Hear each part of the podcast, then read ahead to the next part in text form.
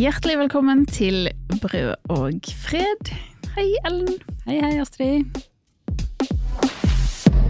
Ja, nå hørte vi jo forresten, tenkte jeg kunne si, eh, vi er jo litt ute i sesongen vår, og den fine jingle vi nettopp hørte. Mm. Jeg, jeg, jeg syns den er så kul. Den er litt sånn uh, unheimlich. eller Eller, uh, ja. Uh, noe noe liksom litt rart skjer, og så Ja. kommer det et brudd. Og, ja.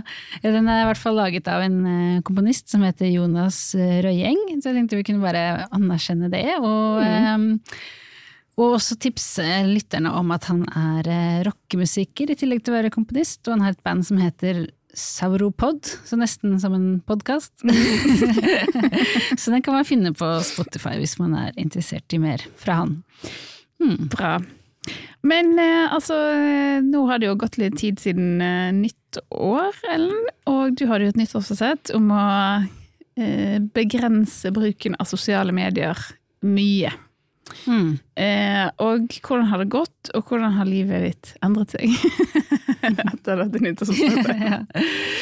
Nei, altså det Jeg føler ikke at livet mitt er så annerledes, som jeg sier. Men det har gått bra. Altså, jeg, har, jeg har jo sånn sperre på nå maks ti minutter Instagram eh, Mhm. hver dag. Og så har jeg ikke Facebook på telefonen, og ikke Twitter.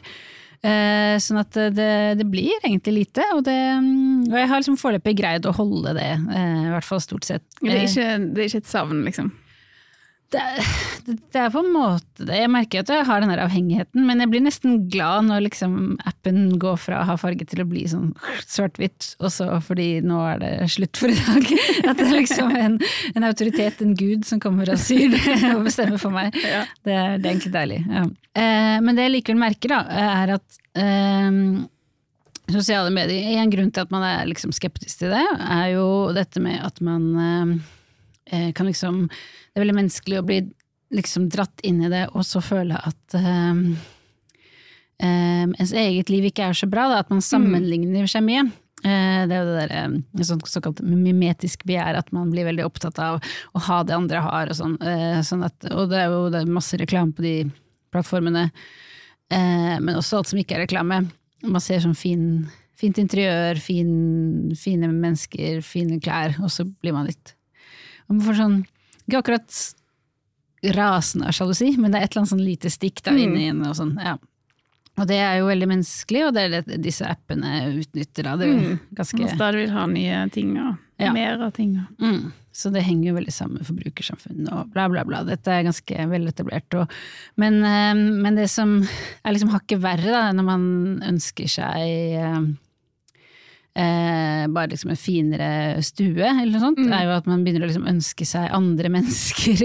at menneskene rundt en skal være annerledes. Da. For eksempel hvis man selv føler at ens egne unger er veldig jobbige og vanskelige, så virker liksom alle andres barn på Instagram så opp, veloppdragne og fine. Og, så, eller man har kanskje lyst på liksom ønsker seg Man ser kanskje hvordan andre er som par, og så ønsker man seg liksom at uh, ens egen kjæreste var, var som en annen. Jeg har eksempel funnet et godt eksempel på det, eh, nemlig Justin Timberlake.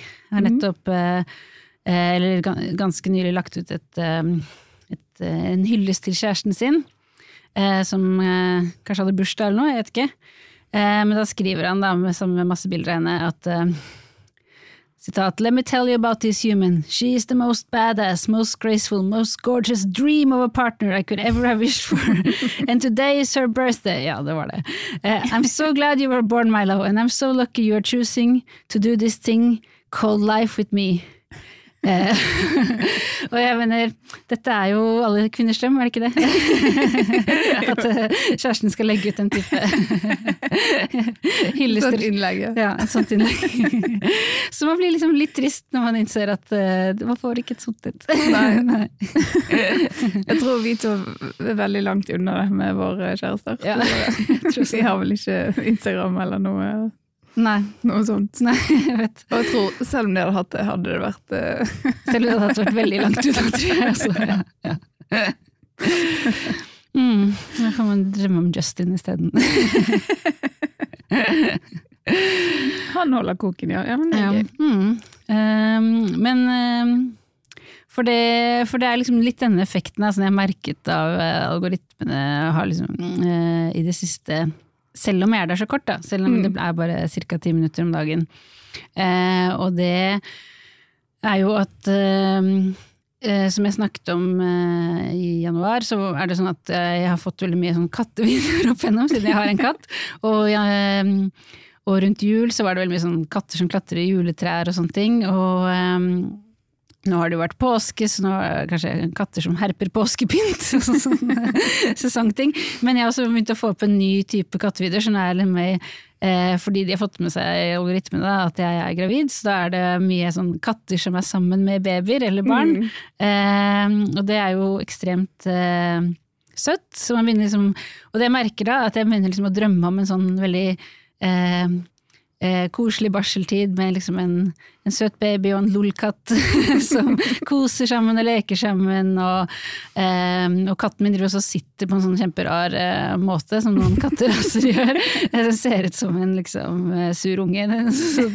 Jeg tenker at liksom kan lære barn å sitte på den måten og, og, sånne ting. Eh, Men samtidig så vet jeg jo at det er veldig urealistisk, fordi katten min eh, liker ikke babyer og barn, eller sagt på en hyggelig, mer sympatisk og mer sann måte, så er hun veldig redd for babyer og barn, da. Eh, Ja. Så hun som skader dem ikke eller noe, men hun som gjemmer seg under senga og skuler og ja. Du har jo møtt henne, så du eh, vet jo hvordan hun kan være. Det er en veldig litt nervøs katt. Mm. Og jeg passet jo katten, altså Peaches, Mm. som hun heter, Peaches, ja. en gang, men det var ikke bare sjenert. Eh, Eh, Det er fordi du er voksen, ikke sant? Det bare barn hun er redd for. altså, da passet jo katten i min gamle leilighet, det er for noen år siden. Og da tilbrakte stakkars Peaches veldig mye tid liksom helt bak, klemt i en liten sprekk bak sengen. Ok, da, det høres plausibelt ut. Jeg bare tenkte, jeg kom liksom hjem og bare, hvor er katten? Og lette overalt. Så det var sånn, nei, hun har satt seg liksom helt sånn bort gjemt. Så utrolig trist. Jeg måtte liksom prøve sånn, hei, hei, du kan komme ut. Og liksom, jeg er ikke farlig. Men Mm. så eh, var ikke hun like sjenert hele tiden. Jeg passet vel en helg. Og eh, på et tidspunkt i løpet av den helgen så eh, hadde jeg da eh, sex. Og da kommer Beaches inn på soverommet og setter seg på gulvet og bare ser på oss. Og det er så fucka.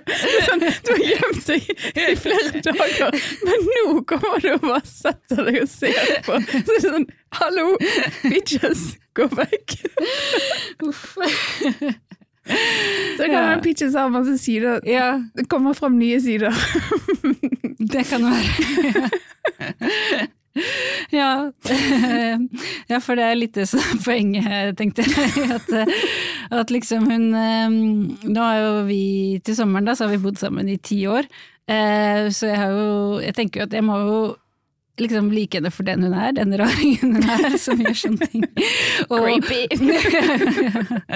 og kanskje, ja, som du sier, hun har mange sider, men man må på en måte i hvert fall ikke liksom bare stirre for mye på sånne katte- og babyvideoer og ønske at hun var en annen, da. Nei, Eh, det er sant. Um, men det er jo vanskelig, for det er en veldig sånn mektig kraft, det her eh, liksom, ønsket om at eh, ting skal være veldig liksom, idyllisk og fint, og akkurat sånn som det ser ut på, på sosiale medier. Eh, at man liksom får en sånn eh, Begynner å tenke sånn kanskje det, kanskje det liksom blir annerledes, selv om man er redd for andre barn. Og, eh, kanskje det kan eh, Kanskje hun kan endre seg eller noe. Så tenker jeg det er feil, men eh, bør ikke prøve å endre andre. Selv om liksom, hun burde ikke være så creepy, da. ja. Men jeg tenkte i hvert fall sånn, er det noe man kan stille opp mot dette, da? Eh, dette eh, som eh, sosiale medier dytter på en. Nå tenkte jeg kunne følge nyttårsforsettet mitt litt Ja. på ordentlig, og så legge vekk telefonen, og så søke det motsatte, som jeg sa var sumeriske lærtavler, men skal ikke helt dit, men mer sånn det sanne og evige i litteraturen og filosofien, og prøve å lære noe av eh, kloke tekster. Eh, så jeg eh, tenkte, fant fram boka 'Fragmenter av kjærlighetens språk' av Roland Barth. Som jeg tror er fra 1977 eller noe sånt. Um, 1977, ja. Um, og um, han er jo en fransk filosof, og denne boka jeg husker at jeg leste på Blindern, jeg studerte litteraturvitenskap, og at jeg egentlig ikke likte, for den er, så, den er veldig ugjennomtrengelig og rar. Den er på en måte kort og, og veldig kort kapitler, og det er rett og slett fragmenter, men den er den er tung, da. Litt umulig. Eh, Men eh, jeg tenkte sånn, er det noe der som kan, kan si noe om dette, da? Sånn. Eh, Og da fant jeg et fragment her som først eh, handler litt om liksom dette bildet man har av en annen, da, og hvordan det kan liksom eh, eh, endre seg eller rives eh, Hvis man liksom begynner å se den andre eh, på en eh, på en annen måte plutselig. Man får et sånn nytt blikk på den, f.eks. ved at man ser noe på sosiale medier som gjør at man begynner å, å tenke annerledes om de man har rundt seg. Og da skriver han her forandring. For en stakke stund skapes det i forelskelsens verden et motbilde av den elskede. Som følge av ubetydelige hendelser eller ørsmå trekk ser den elskede hvordan det gode bildet plutselig endres og speilvendes. Og videre. Vanligvis er forelskelsens tale et mykt omslag som omslutter bildet, en svært myk hanske omkring det elskede vesen. Det er en hengiven og velmenende tale. Idet bildet endrer seg, rives dette fr fromme omslaget i stykker, mitt eget språk veltes over ende av et støt. Så det føler jeg er en beskrivelse på det som skjer, da, at man liksom eh, har, eh, har denne elskede eh, Du har egentlig et veldig sånn mildt blikk mot Ja. Peaches, Mm. men nå har du på en måte fått sett noen alternative kanter. Ja, yep, akkurat. Og da har liksom eh, Rives rives bildet, eller ja, eh, endres. Ja. Um, men det eh, må man på en måte eh, kjempe litt mot, tenker jeg. Mm. Og da skriver han i et annet fragment under overskriften 'Den man ikke kan kjenne', så skriver han liksom om hvordan den man eh, elsker Det betyr ikke at man liksom, selv om man kjenner vedkommende Man tror man kjenner vedkommende godt, men det gjør man egentlig ikke. Og at eh, kjærlighet er mye med det, da. Mm. Så skriver han her Å gi av seg selv, gjøre seg umake for et utgrunnelig objekt, er den rene religionen. Å gjøre den andre til en uløselig gåte som mitt liv er avhengig av, er å dyrke den andre som en guddom. Jeg vil aldri klare å løse gåten den andre stiller opp for meg, den forelskede er ingen ødipus. Da er det ingen, ikke noe annet å gjøre enn å vende min uvitenhet om til sannhet. Det er ikke sant at jo mer du elsker, dess mer forstår du. I kjærlighetserfaringen oppnår jeg kun følgende visdom. Det lar seg ikke gjøre å kjenne den andre, den andres uomtrengelighet dekker på ingen måte over noen hemmelighet, men er snarere et slags bevis som opphever spillet mellom skinn og vesen. Så blir jeg henrykt over å være dypt forelsket i en ukjent, som for alltid vil være, forbli ukjent. Det er en mystisk opplevelse. Jeg når fram til en erkjennelse av at den ikke kan erkjennes. Skjønner at du syns dette var litt ugjennomtrengelig. ja. Um, Men poenget er at man kjenner aldri den man elsker fullt og helt, selv om man kanskje tror man gjør det, og så oppdager man at det gjør man ikke. mm, man har en erkjennelse av at det ikke kan erkjennes.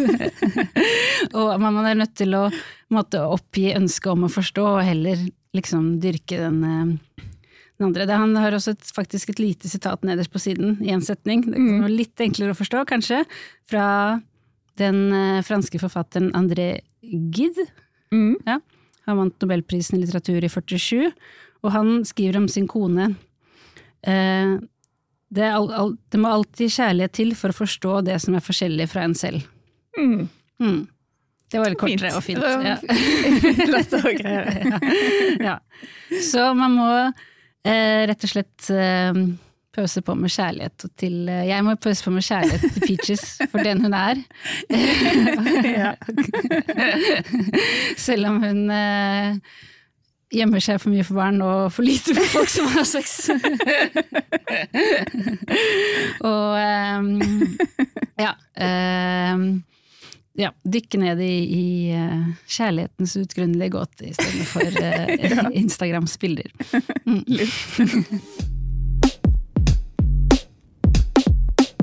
Men dette med forholdet til Peaches, da, det henger jo litt sammen med dagens tema, syns jeg, som er forestillinger rundt det å få barn.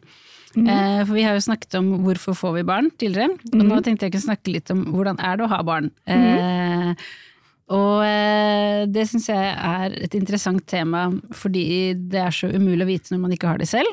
Mm. Eh, og fordi fortellingene som er rundt oss da, i kulturen, hyperkulturen, er at det er så, det er så utrolig splittet og sprikende.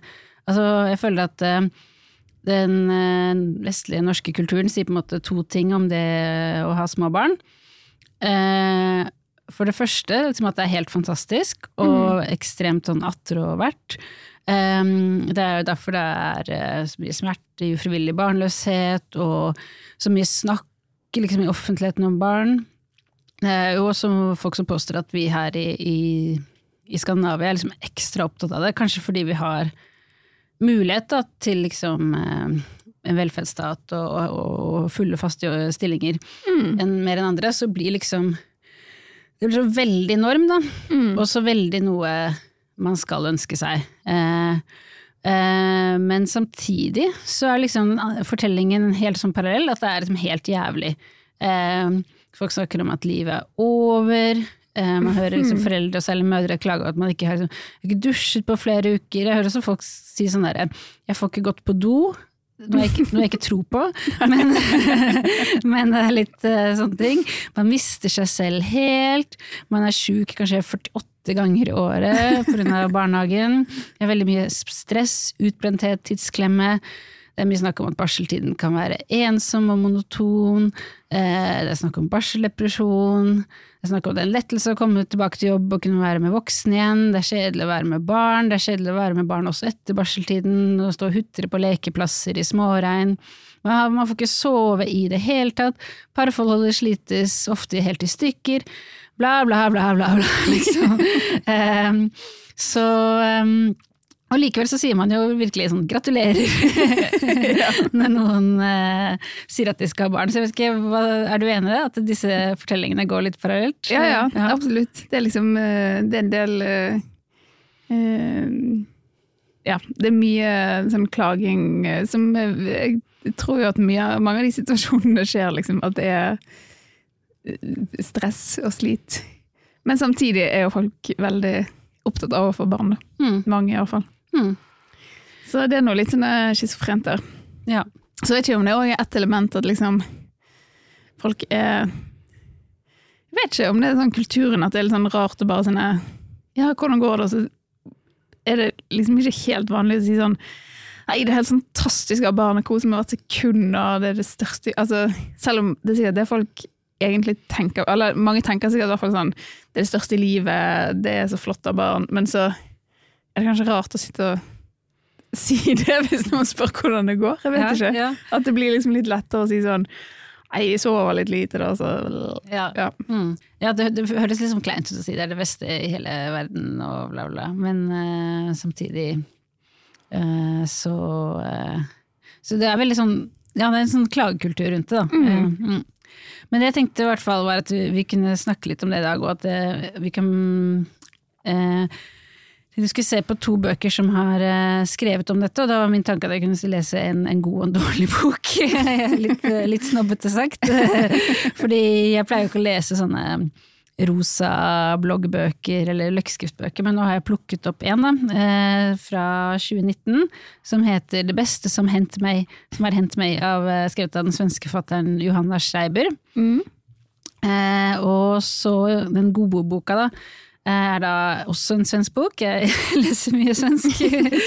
og det er en bok av Anna Axfors, en eh, ung poet og forfatter som heter En dag i øknen, altså En dag i ørkenen. Mm. Og, og den eh, Axfors sin bok føler jeg var veldig sånn hypet i, i liksom Insta-kontor og podder jeg følger apropos. At den var veldig sånn der, sånn um, Hvis man mm, Dette var den den gode boka, den alle snakket om. Liksom. Akkurat som året før så var det en annen bok som het uh, 'Halla Malmö består av killer som dumpet meg'. som, som var en sånn datingbok som var veldig morsom. Eh, så var det liksom Anna Aksfors moderskapsbok i fjor, da. Mm. Um, og um, de er jo veldig morsomme å sammenligne, også bare for man tar liksom, omslaget, for eksempel. Så jeg kan jo beskrive det kjapt. Den um, eh, rosablogg-boka Johanna Streibers er jo da sånne eh, jeg tror liksom gratisbilder fra internett, det ser veldig sånn ut, sånn såkalt stokkfoto. Eh, det er ett med tre sånne venninner som eh, de er på ferie og nyter livet. Ja, men det er bare tre kvinner sett bakfra som ja. Har hendene i været og ser veldig glad ut og liksom sånn nyter, leve livet. Ja. Og så er det en, en, da, eh, en kvinnehånd som holder, eller to hender som holder liksom en graviditetstest, som er positiv, da. Mm. Så, eh, og så er det liksom preppet med sånne, pepret med sånne blurber som sier at liksom jeg er kjempemorsom, og alle burde, burde være obligatorisk gave til alle som er på barsel og sånne ting. og, um, og også bak på baksiden at den eh, minner om sånn, sånn typisk sånn eh, Sånne kommersielle bøker, alltid sånn eh, 'den greia møter den greia', liksom. Så scener fra et ekteskap møter younger. Eh, jeg vet ikke helt hva younger er, men eh, Og jeg merker meg litt irritert for at kunstneren Bergman dras inn i dette. ja ja. Ja, ja. Um, Snobb. ja, jeg er det. Eh, Men i hvert fall Anna Aksfors sin bok har derimot på sin forside et maleri fra en eh, kunstner fra 2010. Så, eh, Karin Bros heter hun, en svensk kunstner, og maleriet heter Det store blå én, og er da et Det blå er liksom et stort, blått sengeteppe, eh, som kanskje minner litt om havet. Og på det så ligger det en eh, ung kvinne, kanskje mor, eh, ved siden av en baby, men hun har måttet en vendt bort fra den. Og, ja, så det er veldig mye Babyen ser ut som han ligger nesten litt alene, på en måte. ja, og det er også en, en, en prosabok som eh, handler mye om kunstnerskap og det å skrive, og den er også nev diskuterer maleriet inne i boka og sånn, da, så det er veldig mye mer sånn highbrow-greie. Eh, men jeg syns jo likevel at jeg, jeg synes de skri, Det som er fascinerende, er at de skriver veldig mye om det samme, det kommer jeg snart til, men at eh, den eh, Anna Aksfors sin bok er jo mye mer interessant å lese fordi den er liksom sånn Det er mye råere, da, skriver for eksempel liksom om fødsler på sånn måte at du virkelig gyser og sånn, mens den andre er mer sånn eh, Gjentar mye klisjeer, da. Eh, og eh, det som også er morsomt, skal, er jo at hun Johanna Schreiber, hun forfatteren, har jo eh, eh, også eh, for, jobbet for et politisk parti som eh, sånn pressetalsperson. uh, står det liksom inne i bokflippen, men det står ikke hvilket, så jeg måtte google, og det tok litt tid før jeg fant det. Men nå når jeg gjort å skjule noe. ja, jeg tror det kan jo hende at for å liksom nå alle, så Ja. trenger hun ikke å flagge det så mye, det skjønner jeg at hun egentlig tenker. Men hun uh, Og hun har liksom et, uh, et veldig sånn kommersiell forfatter, forfatterportrett også, jeg kan vise deg det. Hva tenker du? Det er gøy. Ja. Det er liksom en uh, dame som sitter i en knæsjrosa kjole og, og ser pen ut, men òg litt sånn uh, Det ser litt moro ut og sånn uh, funny ansiktsuttrykk og ja, blunker og veldig sånn ja, gøyal. Og uh, jeg tenker sånn, når du ser det bildet og har, vet at hun skriver sånne feel good-romaner, kan du sånn gjette hvilket parti hun jobbet for da? Det er liksom ikke helt sånn stereotype Høyre, men det, jeg gjetter Høyre. Altså Moderaterne. Mm. Og det er helt riktig. og jeg tenker det, det gir mening, fordi altså, jeg ville jo sagt, apropos at jeg er snobb, at det, det bildet er litt harry, liksom. Eh, og, og det Artig. Det er litt artig. Ja. Mm.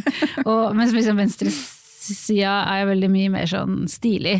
Og, eh, og jeg tenker at det, det er, litt, det er greit å si, fordi de har faen meg alt. Sånn andre siden.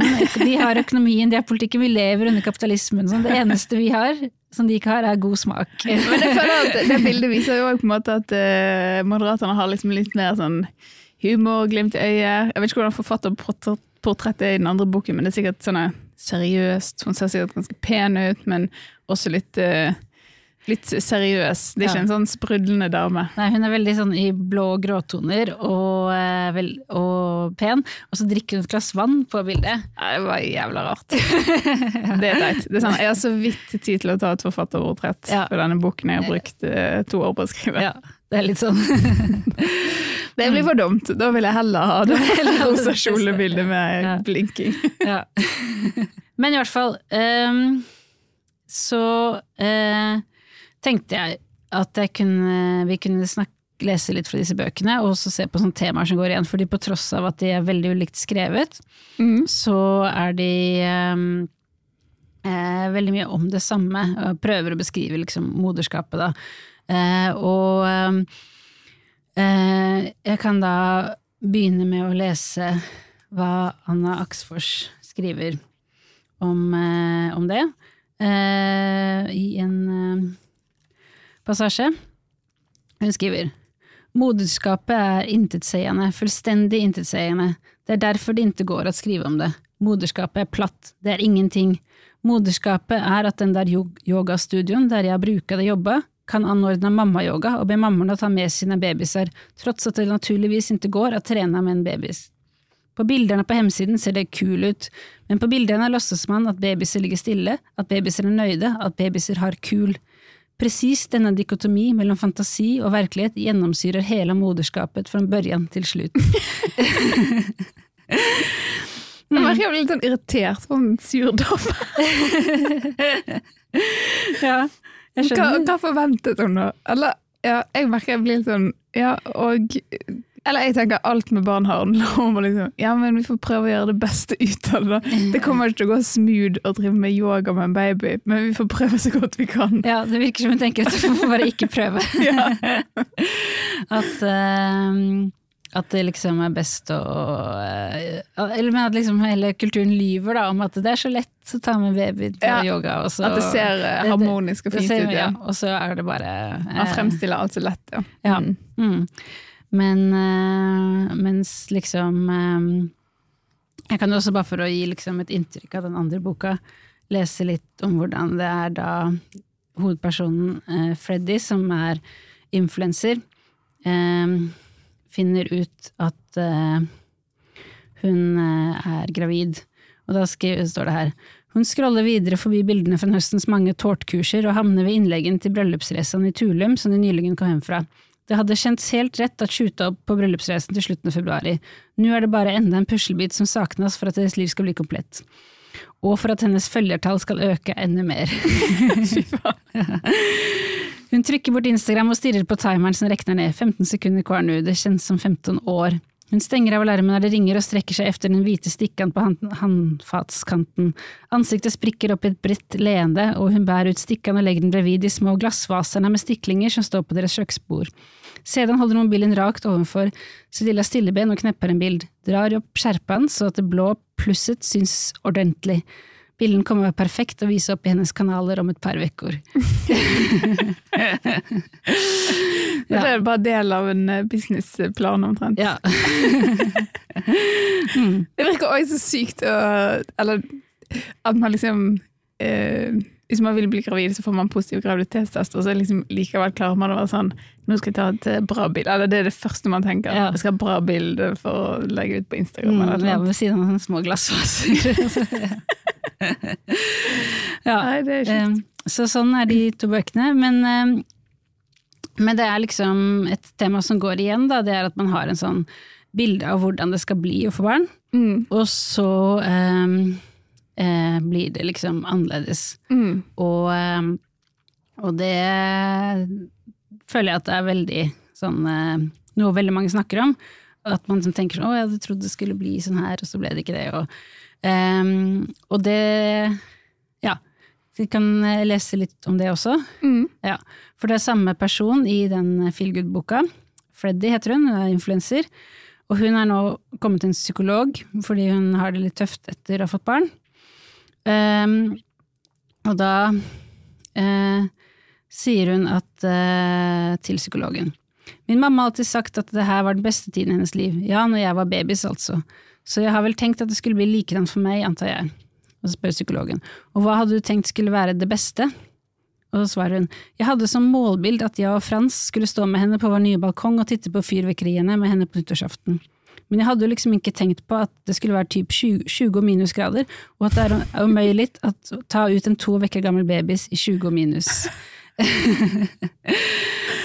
ja, så hun hadde veldig Veldig Veldig konkret. konkret. Ja.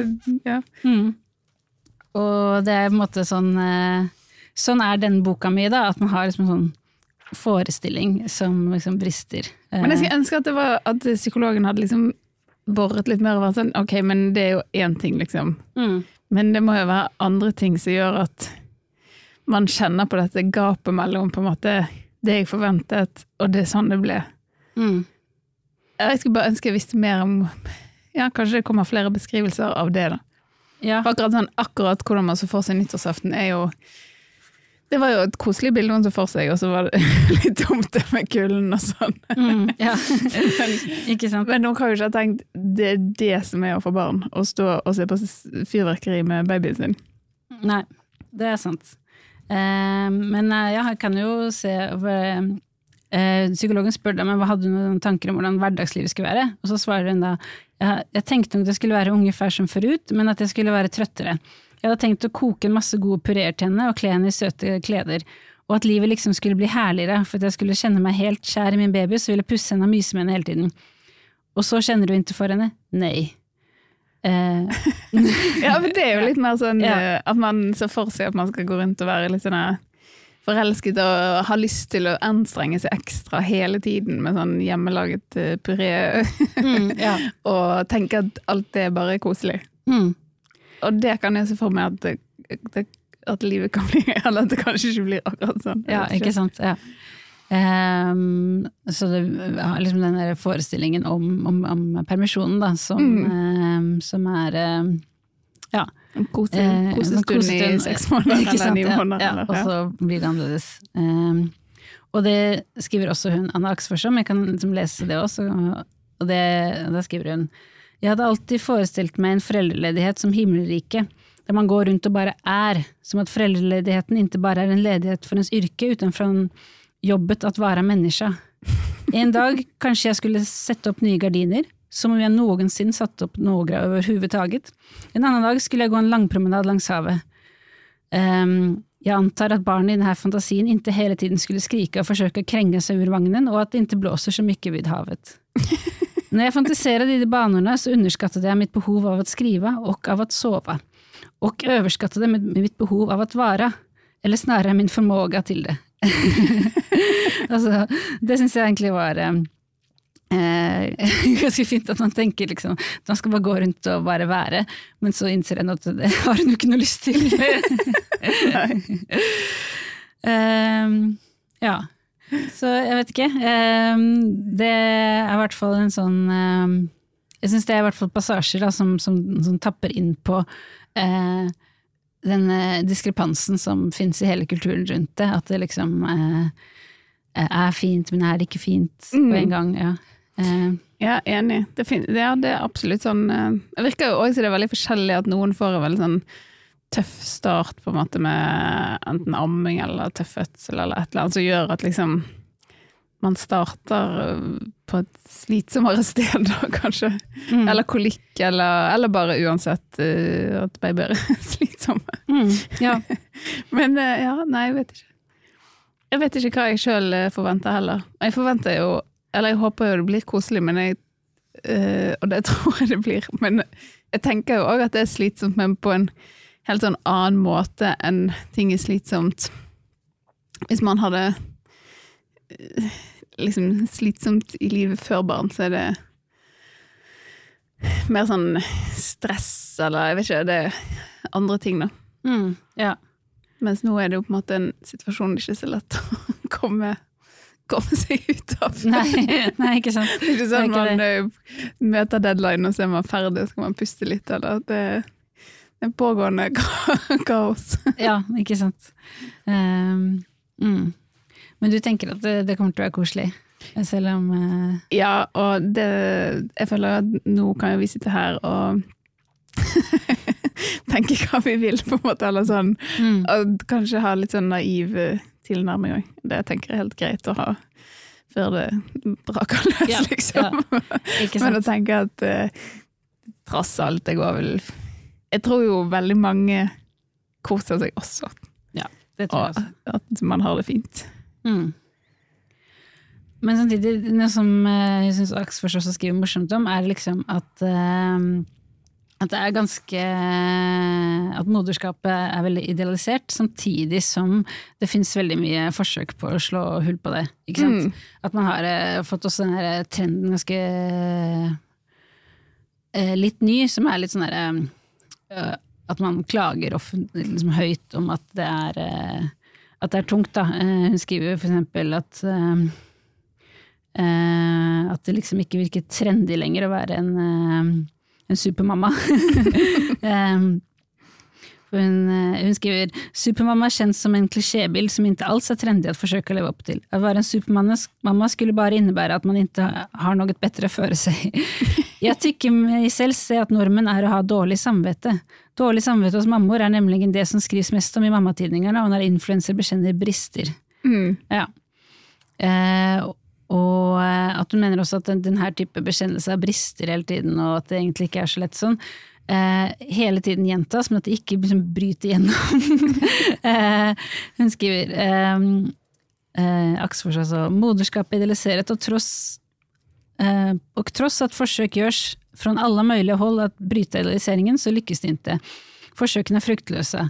Eh, Nettsider skriver åtte saker du kjenner igjen om du er mamma, og lister bæsjflekker på klærne og kan aldri få drikke sitt kaffe varmt. Det råder ingen tveken om at foreldreskapet har sine nakteler. Ennå sjunker det inte inn. Maskulturen er som en enda stor munn som forsøker å formidle eksistensiell smerte, men opprepningen av hva alle mammaer burde kjenne igjen, blir et desperat skrik.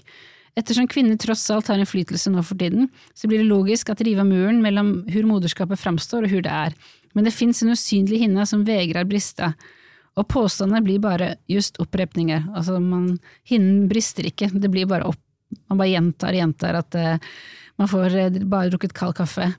Eh, lager av dispersjon som legges på hverandre til alle er så trøtte på å høre om mammaer som tjater om søvnbrist og kald kaffe, at det kan legges til handlingene som enda en av de der banale sakene som har med kvinneord å gjøre. Ja. Kan det være noe i at hmm, Jeg vet ikke. Jeg tenker at det òg liksom ehm, Nå kan jo kvinner og eh, menn, for så vidt, liksom uttrykke Eller få frem eh, Det er veldig mange flere stemmer i offentligheten nå, da. Det er lettere liksom å nå ut med et alternativt bilde. Eh, og Men så er det kanskje likevel ikke sånn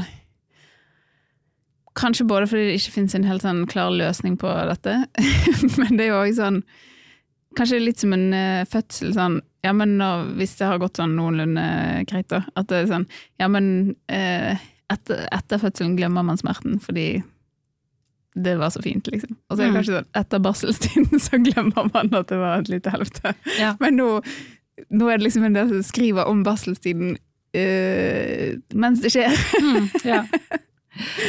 Nei, jeg vet ikke. Jo, men jeg tror det stemmer. Og faktisk hun, eh, hun Johanne Skjæber, hun skrev denne feelgood-romanen, eh, skriver hun på mobilen mens hun ammet sin datter i barseltiden. og hele boka handler om tre kvinner som er veldig misfornøyde og, og har det tungt, på tross av at de har ganske ulike eh, situasjoner. Liksom, eh, en har en mann som alltid er hjemme, en har en mann som reiser mye, en har en baby som sover hele tiden, en annen har en vanskelig en, osv. Eh, men det er jo også litt påfallende at hun hun skriver, det, er så, det, er så, det er så tungt, det er så hardt, jeg får ikke gjort noen ting. Mens hun selv har jo skrevet en hel jævla roman på 360 sider på mobilen. så Og det føler jeg, og det, jeg føler meg litt sånn kvinnefiendtlig for å si og tenke dette, men at det er litt sånn eh, Og jeg kan si dette nå, liksom, før jeg kanskje har opplevd motsatsen, men at det er sånn Men eh, hva forventet dere? Eller Mm. liksom, var det noen som tenkte at det var kjempelett eh, å få barn, og at alt var likt? Det, er det det jeg syns er sånn et lite mysterium, da. Men så kan det jo vise seg å være veldig mye hardere enn det er rimelig å forvente, liksom. Mm, ja. Ja, men, ja. ja, men jeg er helt enig. Jeg tenker også den, denne episoden er litt sånn gøy, siden vi ennå ikke har fått at vi kan sitte og liksom, er ny om ett år og Ja, sånn, fy faen, de har så rett. Det er helvete. Mm. Men det er en veldig sånn eh, Ja, hva hadde du egentlig forventet? Og så føler jeg sånn veldig sånn utålmodighet eh, Mm. i, i disse fortellingene. Da. For eksempel liksom eh, så eh, er i den Feel Good-boka så er de veldig opptatt av å eh, Av hvordan de ser ut. Mm. Eh, nå er jo dette en sånn eh, Stockholm øvre middelklassebok, da, men det ble jeg helt gal av å lese, så nå, nå er jeg kvinnefiendtlig. Jeg må- eh, for da er det liksom eh, hun, eh, En av hovedpersonene, Ermina, går ut med liksom venninner eh, for første gang etter hun har fått barn. Og da eh, Det er veldig morsomt, og dette syns jeg også gir et godt inntrykk av boka, da, som jeg føler Kjære lytter, hvorfor det er bedre å, å lese god litteratur enn det her. For det her er jo utrolig irriterende. Så står det Nadia fladrer enda med de nyforlengda øyenfransene mot honom og bør diskutere hvilke retter på menyen som er hennes favoritter, altså mot kelneren. Hun er Merminas beste og eldste venn. Til skillnad fra Nermina er hun ekstremt tight. Hun har ny, nygjorda brøst efter skilsmissen. Går til frisøren hver sjette uke og hinner gjøre naglene. Iblant franserne. På lunsjen. Ermina kjenner seg som en avdanket dansbandssångerska bredvid henne, i for tighte gravidbukser i fakeskinn, eftersom arret fra snittet fortfarande strammar, og med brøsten svallende under en nudfärgade silkeslinne med spetskant. Mm. Så det er sånn, hun er altså født for fire måneder siden, og det hun er liksom mest opptatt av at venninna er litt penere, særlig fordi hun har fått nye pupper. og så fortsetter hun med vekt, som jeg føler er en veldig sånn mye mas om fra, fra barseldamer. Sorry, men Fra Av noen barseldamer. fra noen, ja, ja. Men her skriver hun da at uh, de andre, hun foreslår at de andre kan få ta sånn tasting-menu, at hun dropper det selv. Hun sier ni kan ta det, jeg tar noe annet. Så sier eh, venninne nei, du har rett, herregud, vi har jo nærmere 40 enn 30 nå, holder Nadia med og klapper sin platta mage innen hun fortsetter. Jeg hadde typ noll problem med å gå ned efter Chloe, men med Stella altså. Jeg tror, jeg levde, jeg tror på riktig jeg levde på torsk, gurka og queso i fire måneder innen jeg burde se ut som meg selv igjen. Og da tenker hun bare sånn, herregud, fire måneder, det er jo snart så lang tid det gått siden hun fikk Olivia, og Erminas våg har i prinsipp stått stille, stått still de seneste vekkorna. Ai, ai, ai. Ai, ai, ai. um, Ja, men Ja. altså, jeg tenker ehm, eh, Man får jo litt lyst til å liksom le eh, eller grine av disse Mm. damene. Men eh, dette presset kommer jo fra et eller annet sted, da. mm, Og det er jo urimelig og trist og for de, at de Mm. kjenner veldig på det. Og det er sikkert litt sånn forskjellig fra miljø til miljø, og mm. hvordan det er da, og hvor viktig det er komme tilbake, bounce back. Mm, ja. Men altså, jeg kan skjønne at man får en litt sånn sorg hvis kroppen endrer seg for alltid. Hvis man liksom har vært eh, ganske tynn til man fikk barn, og så er man liksom tjukk resten av livet de neste 50 årene etter, liksom. Men at sånn, å nei, det tok seks måneder og ikke fire, altså det, det Jeg syns det er så mye klage, og jeg bare jeg greier ikke å fatte at det er et problem, liksom. Eh, eh, eller det tok et år, eller det tok to. Så det er også Ja. liksom whatever. eh, Det var greit. ja. Ehm, Og hvis kroppen forandrer seg litt for alltid òg. Sånn er det. ja, ja, ja, selvfølgelig. Jeg bare, hvis man blir liksom ordentlig syk, så kan jeg skjønne at det er liksom noe man tenker på, men, Ja. eh, men det, selvfølgelig gjør den det. Og det Den går jo gjennom helt, sinnssykt, liksom. Og Mm. det er jo fra naturens side sikkert meningen at den skal endre seg. Naturen bryr seg jo ikke om man selv føler seg tynn og hot lenger, liksom. um, og en annen ting som går veldig igjen, det er den derre at man føler at alle andre har det liksom bedre og, og får det til bedre, og at man selv er en veldig dårlig mor. Mm. Eh, jeg tenkte jeg kunne lese litt om det også. Eh, hun eh, Anna Aksfors skriver for eksempel Um, Shutterstock-bildene på harmoniske mammor som kan dyke opp når jeg googler noe febersymptom eller noen barnevognsmodell, gjør meg fortfarande ille til mots. Barnen ser ut som vanlige barn, det vil si rett fugle. Mine barn ser faktisk bedre ut. Det er mammaen og skjelva som vekker min avund, tross at bildene er så stiliserede at de nesten mer er illustrasjoner, illustrasjoner av moderskap. Tross at bildene bare bygges opp av etter- og nollår, virker deres hud alene og deres lene en ekte. Og tross jeg vet at riktige mammaer ikke ser ut så, så går noen, noen ting i gang i meg, en kjensle av at ikke nå opp til det som burde være. Jeg har en brist, mitt moderskap er ikke fullendet, noe har jeg misset. Men er det det som mener at de ser så uh, lykkelige ut, eller mm. pene? Lykkelige? Ja, jeg tror begge deler, men særlig lykkelige. Mm. At de uh, har så uh, store smil, og, og, på, og, på, ekte, liksom. At, mm. ja. Og at hun selv liksom føler seg trist og mislykket. Da. Hun skriver mye om at hun, hun sover mye. hun er ikke sånn søvnproblemer som mange andre, men hun er bare liksom en sånn deprimert person. Mm. Sover mye på dagtid og ikke kommer seg opp, ikke får gjort noe, og, og den type ting. Og um, en uh, Schreiber i Feel Good-boka skriver om uh, noe lignende. Skriver hun om denne influenseren Freddy. Hun hadde ikke trodd at det skulle kjennes så her. Hun vil ikke at det skal kjennes så her. Siden hun holdt Aurelia i sin favn for første gangen, har hun knapt kjent noen ting for den lille varelsen som skriker konstant efter mat og nærhet. Og hvor mye hun enn gjør, så får hun jo ikke en skit tilbake. Aurelia ler knapt mot Freddy. Alle andre unger hun ser, som verker varig ungefær samme alder, ler mot sine mammaer. Så hun antar at hennes eget barn har ungefær likedanne kjensler for Freddy som hun har for henne. altså at de ikke bryr seg om hverandre. og videre. Hun titter på Aurelia igjen og forsøker kjenne efter om hun elsker henne. Hun mye hun enn forsøker, eh, frammane de der kjærlighetskjenslene som alle andre mammaer kjenner for sine barn, så går det ikke. Hver gang hun titter på Aurelia, blir hun forbannad. Hun blir forbannad på den der ungen som bare krever, krever og krever uten å gi noe som helst tilbake.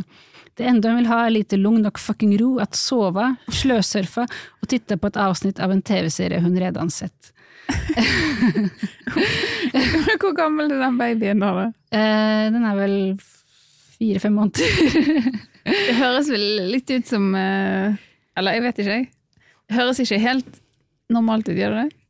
Ikke man litt mer glad i ungen sin enn det? Hvis ikke man har kanskje en fødselsdepresjon eller noe sånt? Jo, det kan jo hende hun har det, da. Eh... Jeg vet jo ikke noe særlig om det, men det høres ikke normalt ut å ikke like ungen sin. Nei, nei. nei. Men jeg tror, I hvert fall sånn jevnt over, tror jeg. Ja, jeg tror også det.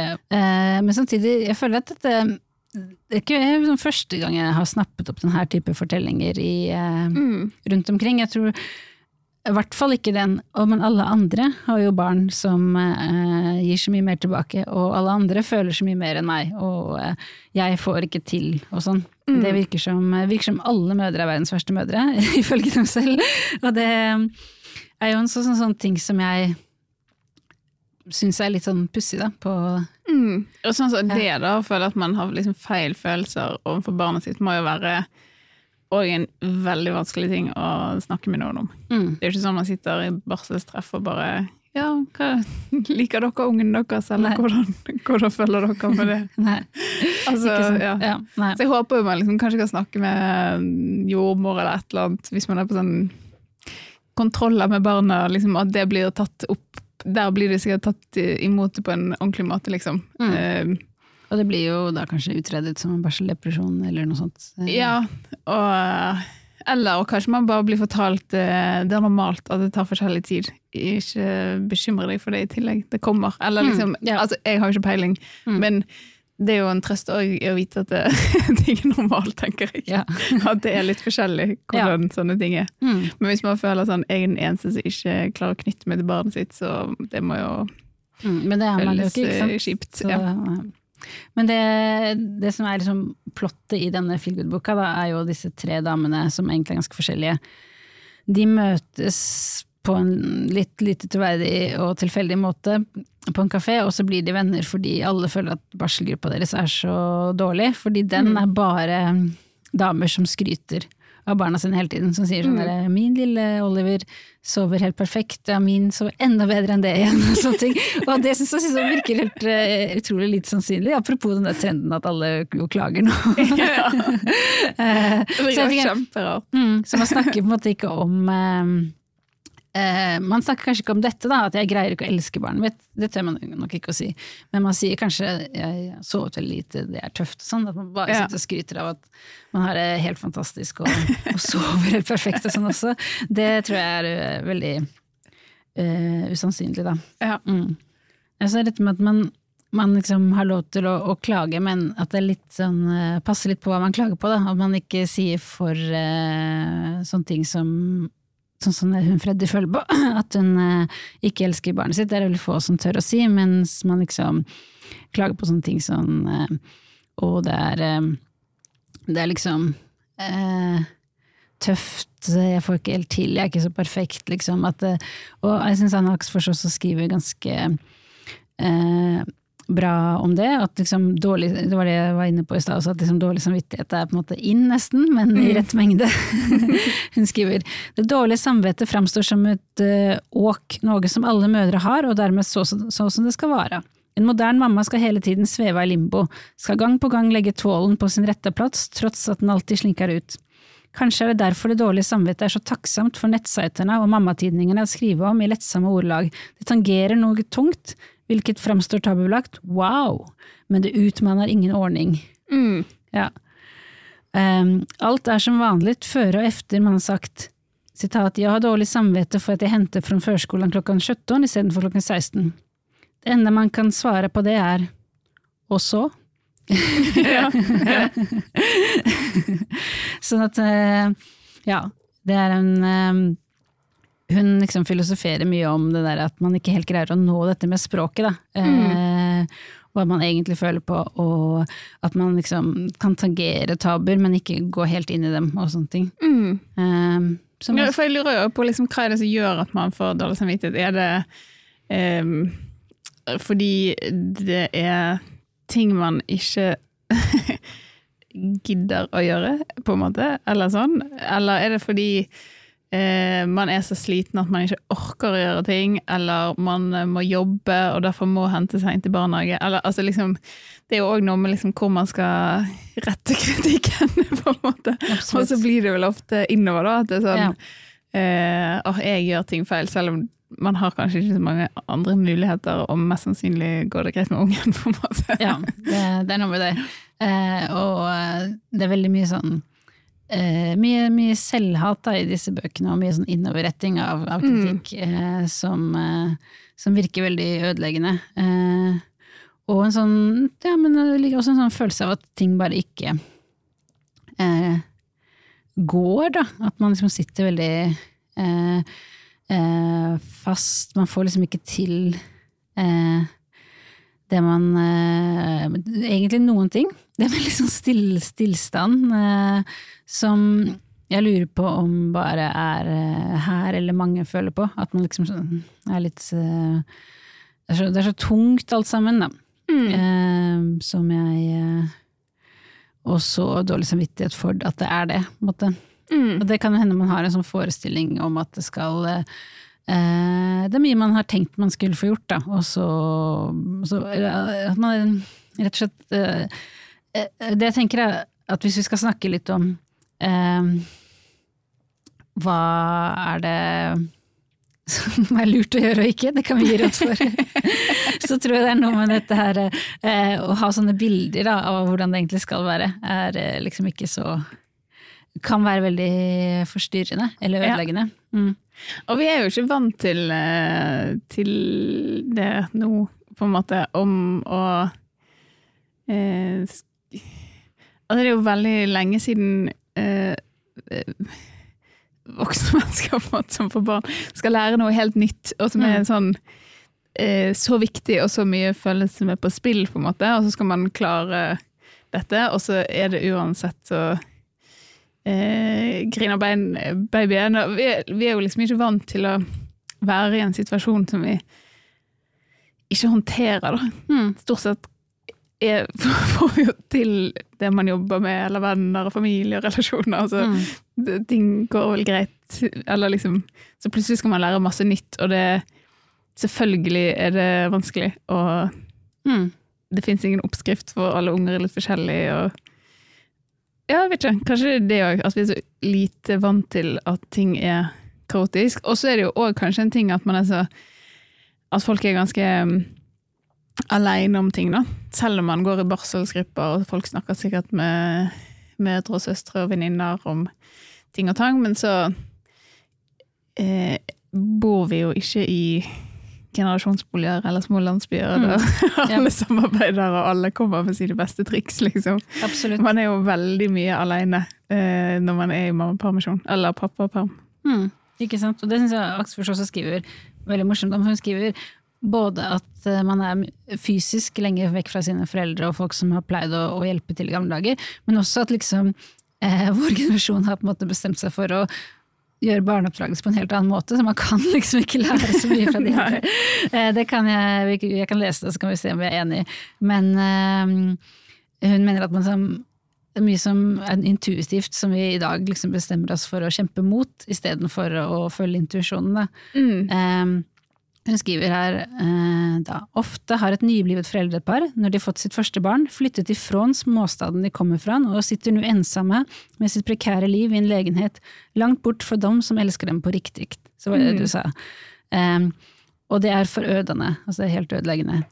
Vi er ensomme, og vi ser ikke andre menneskers løsninger. Vi ser ikke noen stikke til barnet glass og kakor med jevne mellomrom for å ta seg gjennom en dag hjemme. Det enda vi hører er BVC, altså barne... Hva heter det? Jordmor... Eh, Ja, helsestasjonen. Ja, helsestasjonen. Det enda vi hører er BVC og Facebook-grupperne som sier at barn ikke skal ete sukker. Det enda vi ser er hva folk legger opp og skriver på skjermer, og vi tror de beter seg så som de skriver at man skal bete seg. Det enda vi har i hovedet er disse pedagogiske metoder vi lest og hørt om, men aldri fått betrakta i virkeligheten, og det enda som vi har opplevd er våre egne foreldres metoder. Og det som er det mest instinktive settet å bete seg på, med irritasjon og kjeft, altså er altså så man absolutt ikke skal bete seg, for da kan man bare få dårlig selvkjensle, og, og for da kan barnen få dårlig selvkjensle og kanskje bli misbrukere. Shit. Legger litt eh, press på oss. Sånn, eh, hvis du eh, har feil reaksjon, så går det virkelig til helvete med barna. Ja. Men jeg det var bra sagt om den mest instinktive måten å oppføre seg på, med irritasjon og kjeft. Det er det man absolutt ikke skal gjøre. Mm.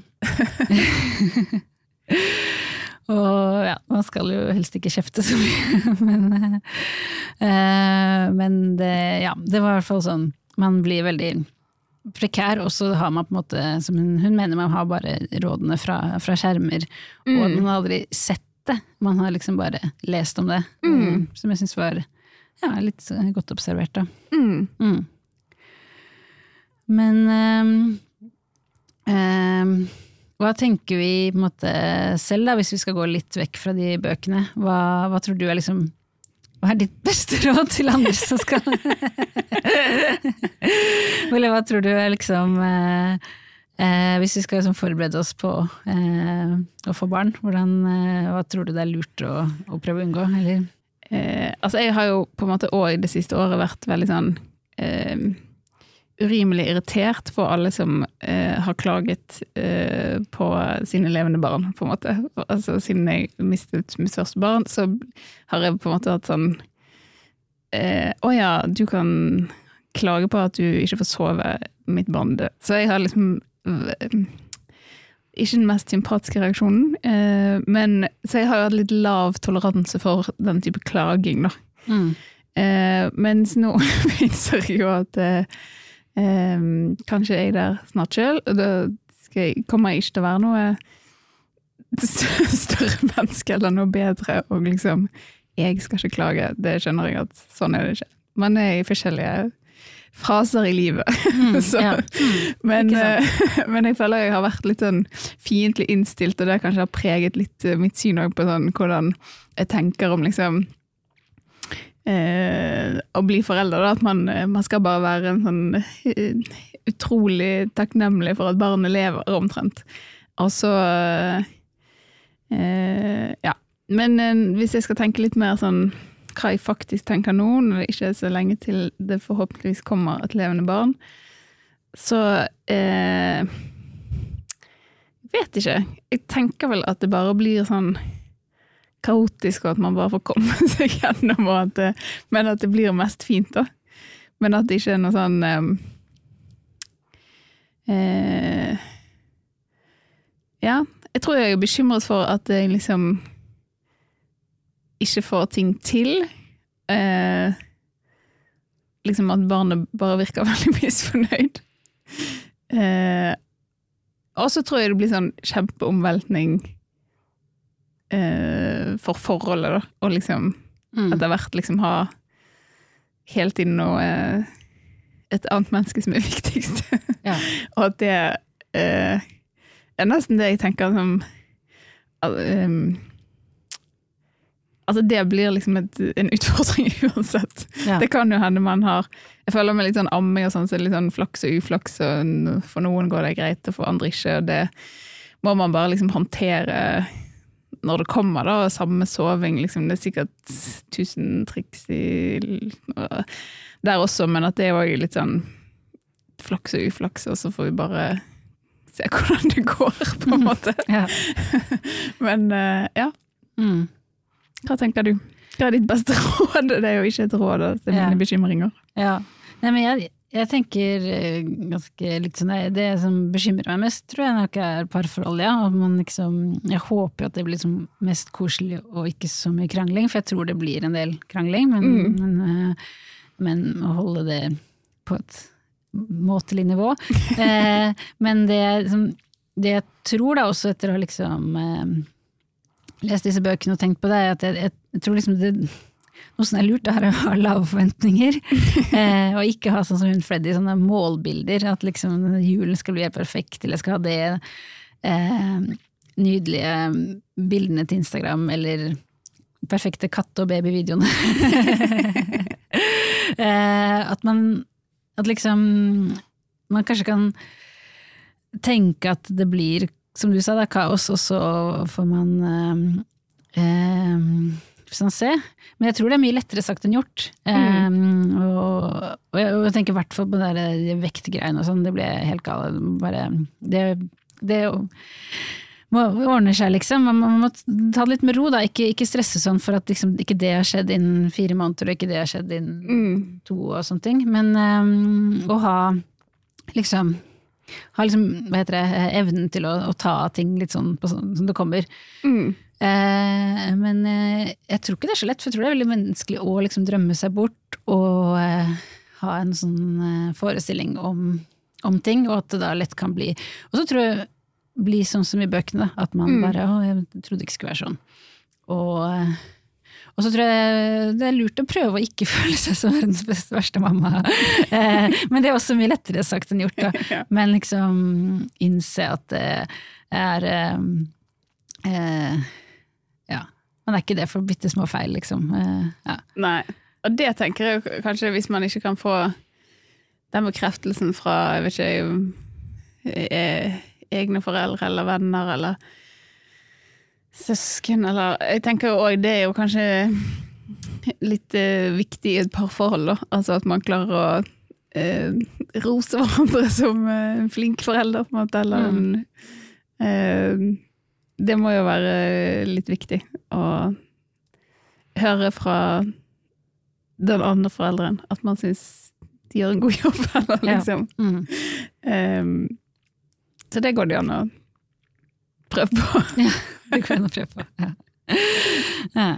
Mitt mareritt som jeg det, ja, det er liksom mitt eh, sterkeste råd som jeg, eller liksom, som jeg virkelig håper at jeg ikke blir en sånn Fordi man er mest hjemme, altså som kvinne først, så blir man sånn eh, Sånn skal det gjøres overfor eh, mannen, på en måte. Mm. Det orker ikke jeg. eller det tror ikke Nei. han orker. heller. At man blir sånn autoritet på noe som man egentlig ikke vil, eller at man liksom mm. Man vil jo ikke være sjef i en sånn situasjon. Man vil jo at begge skal uh, prøve og feile og få ting til og ja. Mm.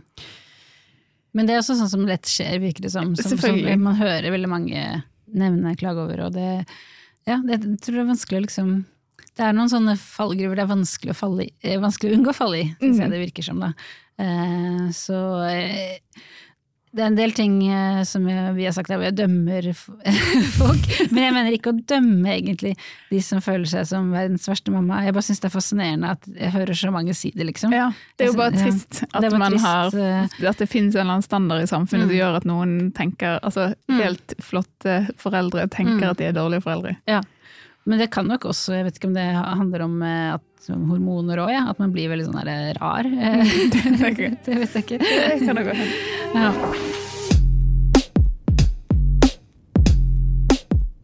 Eh, Når denne podkasten sendes, har jeg faktisk forhåpentligvis fått et levende barn. Mm. Det er spennende. Det er spennende. Så da må jo podkasten ta en liten pause. Det må jo det. Det.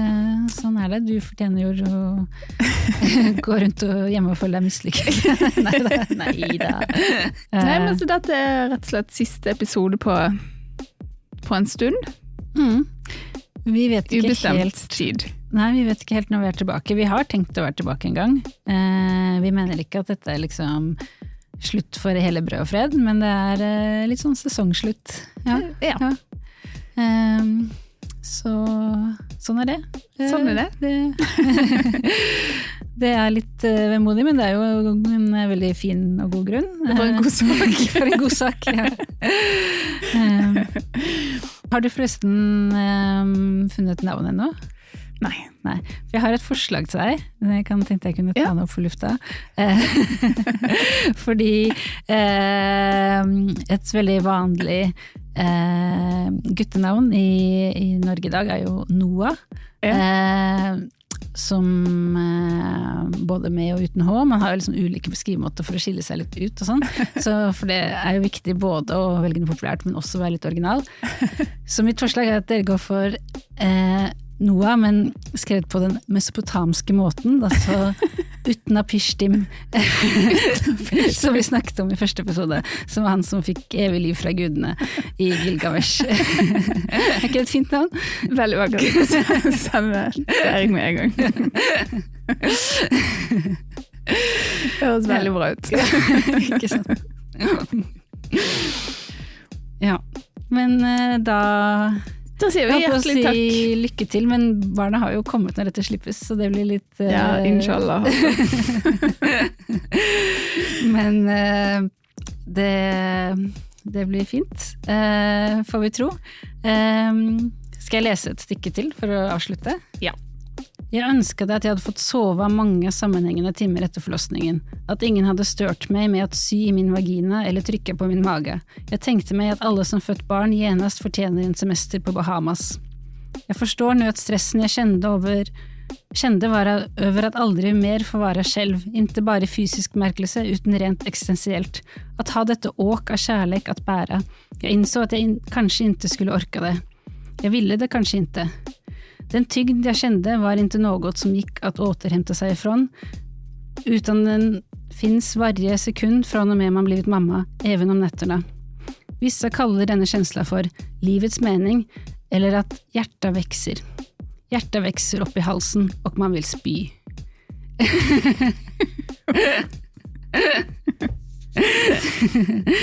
Med disse fine ord så takker vi for nå. Ehm, behold gjerne podkasten i feeden, for vi kommer tilbake. Spre gjerne eh, ordet om den podkasten til eh, venner.